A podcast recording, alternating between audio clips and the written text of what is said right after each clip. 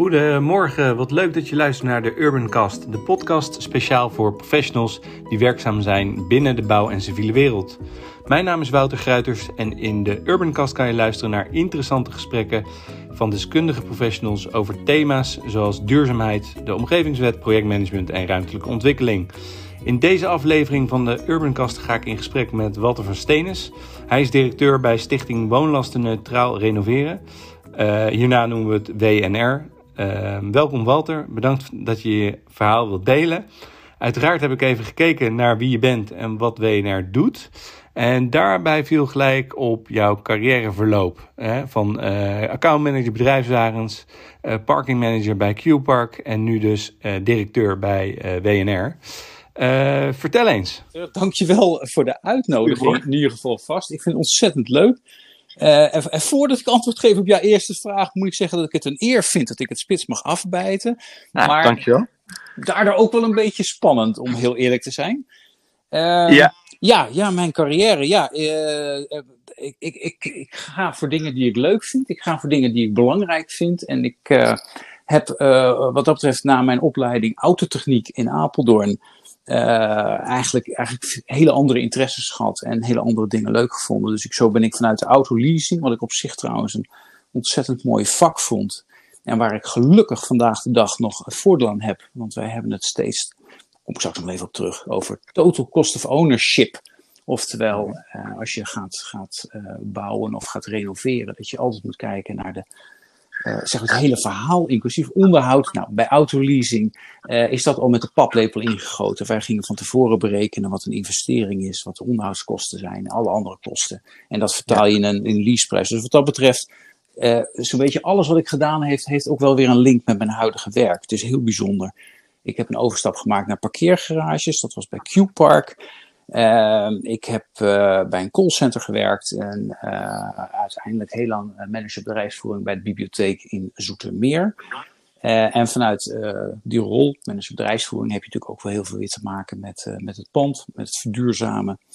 En mijn, mijn eigen wooncarrière loopt daar parallel aan, eigenlijk vanaf het nou, eigenlijk zelfs al vanaf mijn eerste huurwoning al ben ik al bezig met energiekosten en mm -hmm. uh, het effect op, het, op, op, op, op, mijn portemonnee overigens, maar ook het effect ja, op het milieu.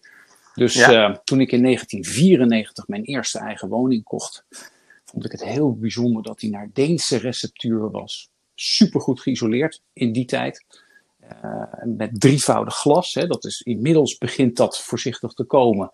Uh, maar dat had ja. ik dus in 1994 al. Ja, wat mooi. En jij zegt ook voor de portemonnee, hè, viel mij op. Dat is natuurlijk ook wat nu in deze huidige tijd, zeg maar, voor mensen. Ja, hè, ik, wil, ik wil echt mijn steentje bijdragen aan duurzaamheid, aan het milieu. Alleen, ja, er komt er altijd om de hoek kijken van, ja, wat kost het dan? Um, en, en, daarom vind ik jullie naam, zeg maar, van, van. Het is een stichting, hè, Walter? Ja, ja, het is een stichting ook zonder winstoogmerk. Wij proberen echt het, het renoveren, verduurzamen van woningen aan te jagen. Mm -hmm. Wij doen dat ontstaan vanuit het DNA in de bouw, de nieuwe aanpak. Een clubje van mensen die, die vindt dat het best anders kan, hebben gezegd van hoe gaan we nou een vehikel neerzetten waarin we, waarin we dat, dat gaan stimuleren. Kijk, uiteindelijk, ik ben een paar jaar terug uh, heb ik bedacht dat het met het klimaat niet goed ging. En dat ik dat zo niet aan mijn kinderen wilde over, overlaten, zeg maar. Die erfenis, die wil je toch anders neerzetten. -hmm. Toen heb ik gedacht, dat moet anders. Dus ik heb inderdaad mijn baan opgezegd bij de bibliotheek. En ik ben, uh, enerzijds heb ik mij opgegeven voor de politiek. Dus ik ben ook raadslid hier in Zoetermeer. Mm -hmm. En anderzijds ben ik voor mezelf begonnen, denk ik, joh, ik ga mensen gewoon helpen met hun verhuisverduurzamen. Ik ga er adviezen over geven. Uh, nou, inmiddels een aantal gesprekken verder zie je dat uh, het advies in dank wordt afgenomen. Ja. Uh, alleen dat het daarna heel moeilijk is om ook tot daden over te gaan. Mm -hmm. En een belangrijk aspect bij mijn advies is altijd dat het verantwoord is. Hè? Dus het is, het is gericht uiteindelijk op, op enig moment een keer aardgasvrij te zijn. Het is gericht op, op, op, op quick wins aan de andere kant. Uh, maar altijd wel verantwoord. Hè? Dus die, die, die balans met de investering moet er wel zijn. Dus je kiest bij een woning heel snel voor natuurlijke momenten voor het verduurzamen. Dus als je ergens iets met groot onderhoud hebt, of als je ergens toch al een verbouwing van plan bent, dat zijn de natuurlijke momenten. Ja. En ja, wij zeggen woonlastenneutraal. overigens op dit moment gericht op VVE's, hè, dus op appartementencomplexen. als je daar het, het, het, het, het goede natuurlijke moment te pakken hebt, dan, dan kan het inderdaad woonlastenneutraal.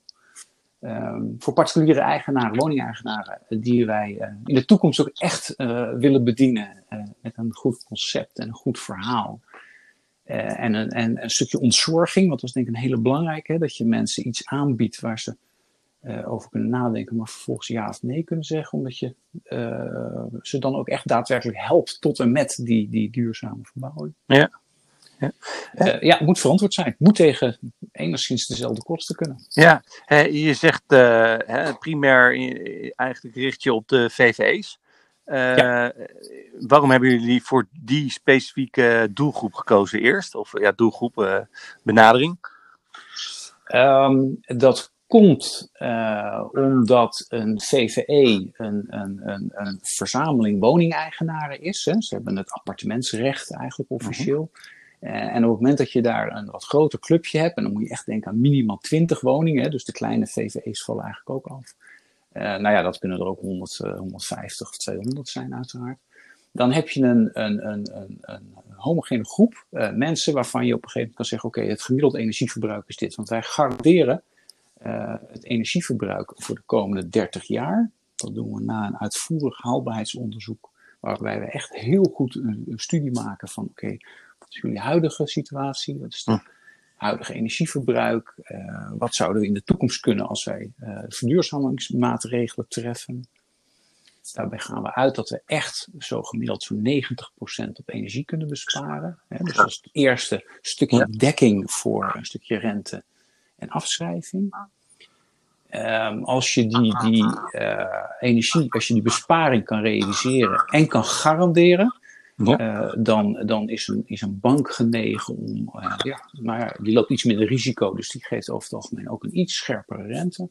Ja. Uh, en daarnaast kijk je natuurlijk heel sterk naar het meerjaar onderhoudsplan, hè, de huidige situatie en de nieuwe situatie. En je begrijpt als je op enig moment alles vernieuwt en alles nog eens een keer hè, volledig renoveert, dat je onderhoudskosten de komende jaren ook lager zijn. Nou, die twee componenten samen, ja. maken dat je het woonlastenneutraal kan doen. Mits je op het natuurlijke moment bent. Uh, en, ja. en, dan, en wat bedoel je daar precies mee, Walter? Nou ja, dat natuurlijke moment dat heeft echt wat te maken met, met dat je, ja, uh, als je, als je naast en kozijnen wil vervangen en een dak wil renoveren en een volledige muurisolatie wil toepassen of een extra schilder omheen wil zetten. Uh, dat zijn, hè, dan moet je niet net komen bij een appartement nee. wat al net wat gedaan heeft. Nee, ja. uh, waar ze net al een keer uh, een jaar of vijf geleden dubbel glas ingezet hebben. Of waarbij een jaar of acht geleden het dak al gerenoveerd is en net met te weinig isolatiemateriaal toen gewerkt is. Ja. Dus dat is het natuurlijke moment. Ja, hey, en heel concreet, hè? die VVE-eigenaar. ik heb zelf uh, tien jaar in Amsterdam gewoond. Mm -hmm. ook een VVE. Nou, die kast was niet uh, aanzienlijk. Uh, of, dat, uh, of dat kan aan mij liggen waar ik zat met mijn VVE. Alleen wat, wat ik merkte van de VVE is dat het, als je geen beheerder, als je het niet uitbesteedt, is dat het eigenlijk ja, in goed overleg gaat van joh, dit wil ik doen, dit wil ik niet doen. Um, en wanneer, wanneer komen jullie dan in beeld? Hoe, hoe zorgen jullie ervoor dat jullie bij die VVE-eigenaren, dus die geen beheerder hebben, dus de wat kleinere VVE uh, appartementcomplexen, denk ik. Hoe komen jullie daar in beeld? Hoe zorgen jullie daarvoor? Uh, op, op verschillende manieren. Uh, uiteraard zijn er inmiddels VVE's die ons weten te vinden, ondanks dat we eigenlijk vrij recent zijn geleden zijn opgericht. Hè. We zijn pas ja. in, in, juni dit jaar opgericht. we hebben een mooie website gebouwd ehm, en, en dan zie je dat mensen je weten te vinden. Ja. Um, en een andere belangrijke tak, misschien zo mogelijk nog wel belangrijker, is, is via gemeentes. Die uh, op een gegeven moment toch een, een soort van zorgplicht voelen. Uh, mm. Van hoe ga ik nu uh, die, die energietransitie in, in mijn stad of dorp doorvoeren. die zijn al wat langer in gesprek met woningbouwcorporaties. Hè, want die zijn, dat, die zijn goed herkenbaar. Die hebben hele duidelijke onderhoudsplannen. Dus die weten eigenlijk al in welke wijk uh, wanneer een, een, groot onderhoud aan die uh, huurwoningen plaatsvindt. Hè, want ook daar zoeken ze uiteraard het natuurlijke moment. Uh, en dan is het over het algemeen vrij eenvoudig om te zeggen: oké, okay, laten we dan de woningbouwcorporaties, die misschien wel 30% bezit hebben in zo'n wijk, voorop lopen. Nou, wat daar direct tegenaan zit, dat zijn natuurlijk de, de VVE's. Dat zijn toch behoorlijke complexen in één keer. relatief makkelijk als je het vergelijkt met individuele eigenaren. Ja. Want die individuele eigenaar die uh, heeft A wat minder scherp op het netvlies uh, wat de onderhoudskosten van zijn woning zijn. Er zijn maar weinig woningeigenaren die netjes een reservering maken. Die op een gegeven moment zeggen, mm -hmm. oké, ik weet op een gegeven moment moet ik mijn dak vervangen. Of op een gegeven moment moet ik iets met, met, me, met mijn glas en mijn kozijnen. Ja. Uh, dus die, die, en dat natuurlijke moment wat ik net zei, dat is natuurlijk per definitie bij, uh, bij particuliere woningeigenaren anders dan bij een VVE. Um, ehm, VVE's die hebben toch die gemeenschappelijke schil, die over het algemeen ook wel uh, gemeenschappelijk eigendom is. Hoewel ook daar nog wel uitzonderingen zijn. Soms zie je dat glas en kozijn opeens eigendom zijn van een appartement-eigenaar. maar bij een particuliere woning, als je een willekeurig blok van, van zes, acht of twaalf van die woningen op een rij neemt, die je eigenlijk uh, collectief zou willen aanpakken, die uh, hebben natuurlijk allemaal net uh, een ander moment een cv-keteltje gekocht, op een ander moment ramen vervangen. Dus die zijn per definitie, uh, zijn die niet op één natuurlijk moment, als je het collectief wil doen, en in onze optiek is dat de enige mogelijkheid. Ik hoop dat je het verhaal van Walter interessant vindt. Heb je zelf een verhaal om te delen? Stuur hem dan in. ENR kiest echt voor een, een, een integrale renovatie waarbij we dus inderdaad 30 jaar het energieverbruik kunnen garanderen. Waardoor je een goedkopere lening kan aanbieden. Waardoor je inderdaad kan zeggen, nou het is woonlastenneutraal. Um, ja. En dat woonlastenneutraal, het PBL heeft daar natuurlijk net een rapportje over geschreven. Ja, exact. Uh, Die zeiden eigenlijk van, ja, of daaruit blijkt meer, min of meer dat het uh, niet ja, dat het niet zo is. Dat het niet zo is, ja. ja. Uh, en het klopt, hè. Wat, wat zij gepakt hebben is zo'n particuliere woning, hè, wat ik dus net ook aangaf, zo'n zo middenwoning. Uh, ik weet ook inmiddels uit, uh, uit overleg dat zij wat spijt hebben van het persbericht, hoe ze dat de wereld ingebracht hebben. Omdat er... het, het PBL, trouwens, Walter, voor degene die dat niet weet, is Planbureau voor de Leefomgeving. Klopt, hè? Ja, die, ja. die hadden een wat kritisch rapport geschreven over dat het verduurzamen niet woonlastenneutraal kan. Um, En ik denk, eh, zoals zij uh, onderzocht hebben, dat, dat ze daar gelijk in hebben. En in feite is dat ook wat ik net zeg. Zo'n blok woningen, die acht of die twaalf die je in één keer zou willen aanpakken, zodat je ze in één keer echt goed kan doen. Uh, daar zal je zien dat, dat, je, dat ja, als, als toch mensen net iets al gedaan hebben, dat je toch tegen desinvesteringen gaat aanlopen. Ja. Dan moet je misschien dingen toch vervroegd vervangen. Misschien dat je ergens een, een, een, ketel die pas een paar jaar oud is, toch gaat vervangen. Ja, en dat, en dat maakt dat de totale uh, energietransitie, en dat hoor je ook eigenlijk nu inmiddels wonderlijk wel vrij sterk, de totale energietransitie die zal nooit woonlastneutraal kunnen gaan. Daar, daar is een, daar is een, nou ja, zeg maar een, een transitiekosten uh, zijn daarmee gemoeid. Mm -hmm. um, en, en, ik denk dat dat een collectief uh, probleem is en ik dat we dus ook collectief moeten oplossen. Ja, want waarom is die energiegarantie hè, over 30 jaar eigenlijk zo belangrijk? Uh, die energiegarantie die is belangrijk uh, om uh, eigenlijk de, de, vooral de banken comfort te bieden. Uiteraard ook de VVE of, of de, uiteindelijk degene die de rekening betaalt.